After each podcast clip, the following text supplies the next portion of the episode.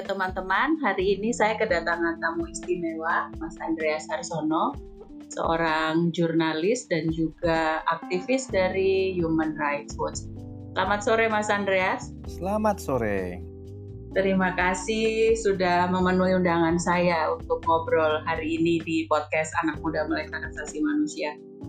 Mas Andreas, iya hari ini uh, kita mau ngobrol soal selebrasi tema besarnya. Tapi nanti saya beberapa hal mau tanya ke Mas Andreas. Kalau menurut Mas Andreas, apakah ada hal-hal yang patut kita rayakan dari Indonesia dalam proses pemajuan hak asasi manusia sampai hari ini dalam kacamata seorang aktivis dari Human Rights Watch bisa, dari kacamata seorang jurnalis juga bisa. Kalau melihat sejarah Indonesia sejak tahun 45 ya semenjak menjadi negara berdaulat satu saya kira yang harus disyukuri adalah ditiadakannya surat izin terbit pada tahun 99 oleh Presiden B.J. Habibie.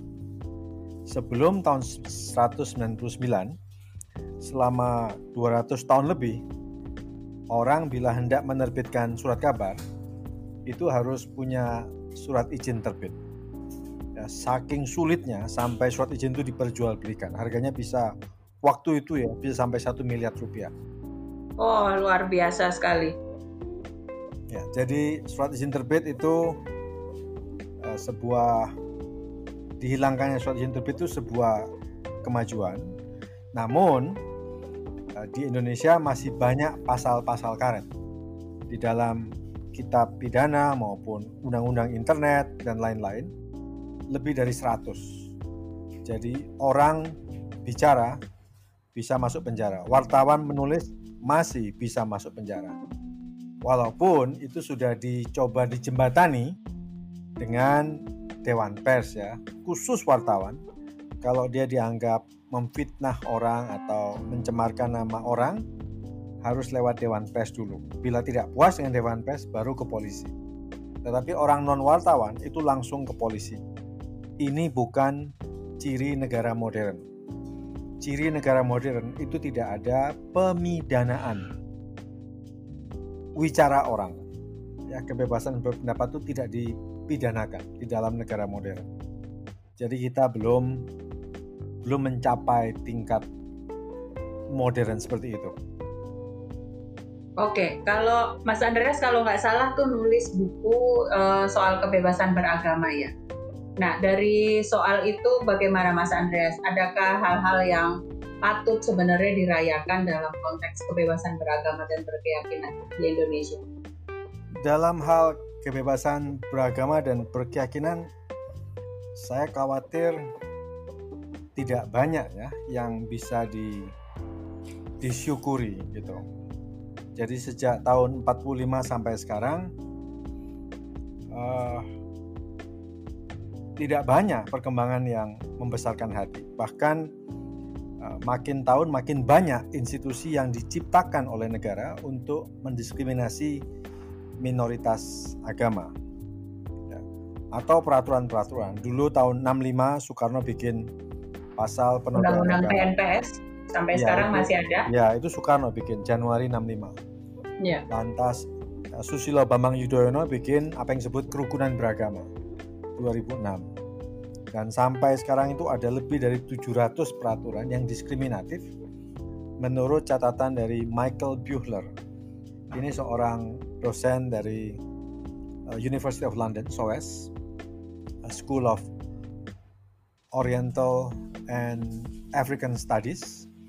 Uh, dia yang mencatat setiap kali peraturan keluar muncul dia catat dalam database dia lebih dari 700. Nah, sejak 700 tahun itu kan itu. makin sejak tahun 52 tepatnya. 52. Ya. Oke. Okay. 52 itu muncul peraturan yang mendefinisikan agama. Nah, Indonesia ini lucu. Yang disebut agama adalah kepercayaan yang punya Tuhan, yang punya nabi, punya kitab suci, serta punya jaringan global. Itu hmm. aneh sekali. Sehingga di Indonesia yeah. ada yang namanya agama dan ada yang namanya kepercayaan yang ada di bawah Kementerian Pendidikan. Itu aneh. Itu tentu bukan ciri negara modern. Itu tahun 52 dibikinnya. Oke. Mas Andreas, ada hal-hal lain nggak yang uh, itu tadi kan suram-suram ya, walaupun ada hal-hal kecil yang patut dirayakan tadi uh, pada zaman Presiden B.J. Tadi. Terus kemudian kalau soal konteks beragama dan berkeyakinan itu agak-agaknya kan memang suram sekali karena tadi Mas Andreas sampaikan ada 700-an aturan yang diskriminatif terhadap minoritas agama. Terus kemudian kalau dari kebebasan pers juga agak mengkhawatirkan, kebebasan berekspresi juga mengkhawatirkan. Kalau soal penegakan kasus-kasus pelanggaran HAM atau yang diduga pelanggaran HAM, dari pengamatan Mas Andreas sebagai aktivis di Human Rights Watch, bagaimana itu? Uh, secara garis besar, selama 70 tahun lebih ini, selain Presiden Abdurrahman Wahid ya, tidak ada presiden-presiden lain yang punya keberanian moral untuk mengatasi, mencari duduk perkara, mencari kebenaran dari pelanggaran-pelanggaran besar, pembunuhan massal yang terjadi pada masa lalu. Baik itu pada zaman Soekarno, Soekarno tidak memerintahkan investigasi terhadap pembantaian tahun 4647 gitu. 48 yeah. Soeharto tentu tidak memerintahkan mencari kebenaran pada tahun 65 bahkan dia menutup-nutupi uh, sampai ke sekarang Jokowi uh, dari Aceh pembantaian orang Madura di Kalimantan kekerasan sektarian di Maluku dan Halmahera Utara dan Selatan Papua Timor Leste Susilo Bambang Yudhoyono bahkan orang Jawa bilang nyelimur ya dari pengadilan hak asasi manusia soal Timor Leste. Iya, ya, akhirnya kita lain, belum pernah belum ada. pernah punya pengadilan HAM kan Indonesia. Uh, pernah ada tiga kasus, tetapi termasuk Tanjung Priok, kemudian Papua, tapi sangat tidak memadai.